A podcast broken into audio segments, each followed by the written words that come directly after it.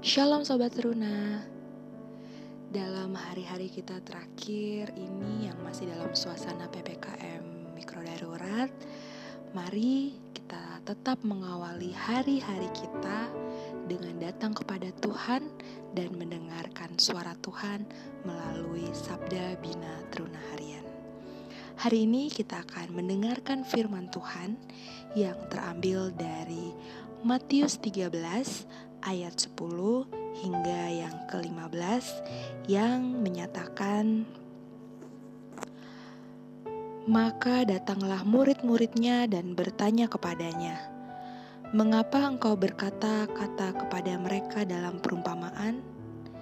Jawab Yesus, "Kepadamu diberi karunia untuk mengetahui rahasia kerajaan sorga, tetapi kepada mereka tidak."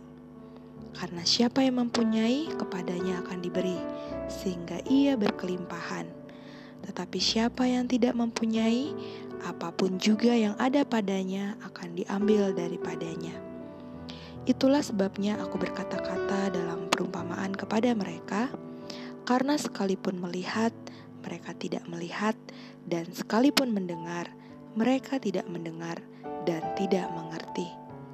Maka pada mereka genaplah nubuat Yesaya yang berbunyi, Kamu akan mendengar dan mendengar, namun tidak mengerti. Kamu akan melihat dan melihat, namun tidak menanggap. Sebab hati bangsa ini telah menebal, dan telinganya berat mendengar, dan matanya melekat tertutup. Supaya jangan mereka melihat dengan matanya, dan mendengar dengan telinganya, dan mengerti dengan hatinya, lalu berbalik sehingga aku menyembuhkan mereka. Demikian jauh pembacaan firman Tuhan kita di pagi hari ini. Mari kita masuk di dalam perenungan.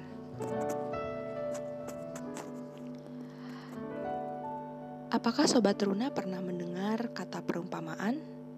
Dalam Kamus Besar Bahasa Indonesia, perumpamaan itu artinya ibarat atau perbandingan.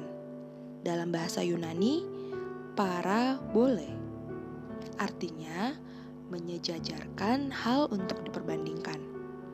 Biasanya perumpamaan itu dalam bentuk cerita pendek yang dikisahkan untuk mengajar.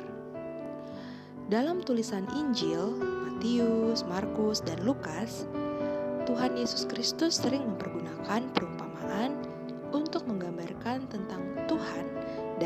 hidup yang seharusnya sebagai orang yang percaya padanya. Perikop kita menyampaikan penjelasan Yesus terhadap pertanyaan kedua belas muridnya seputar alasannya mempergunakan perumpamaan kepada orang banyak yang mengikutinya di tepi sebuah danau. Alasan utamanya adalah jika para murid hanya mendengar pengajaran begitu saja, mereka tidak akan mengerti apalagi melakukannya.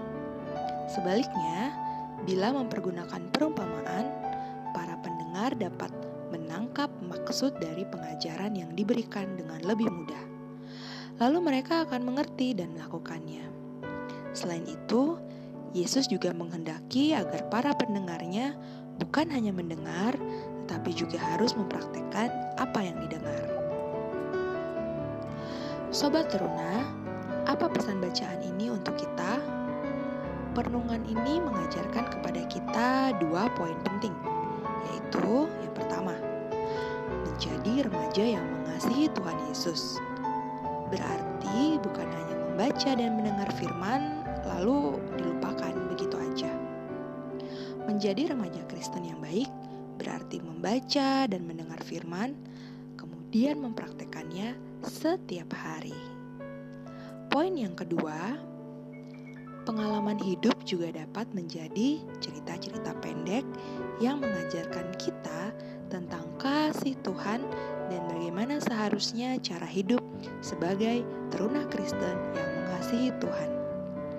Belajarlah dari pengalaman hidup, ambil poin penting untuk menjadi alat evaluasi dan pengembangan diri ke depan supaya menjadi pribadi yang lebih baik. Selamat mempelajari dan mempraktikkan firman Tuhan. Tuhan Yesus menyertai Sobat Teruna. Mari kita berdoa. Tuhan Yesus, terima kasih untuk pelajaran firman-Mu hari ini. Mohon tuntunlah aku ya Tuhan, agar hidupku semakin berkenan kepadamu. Amin.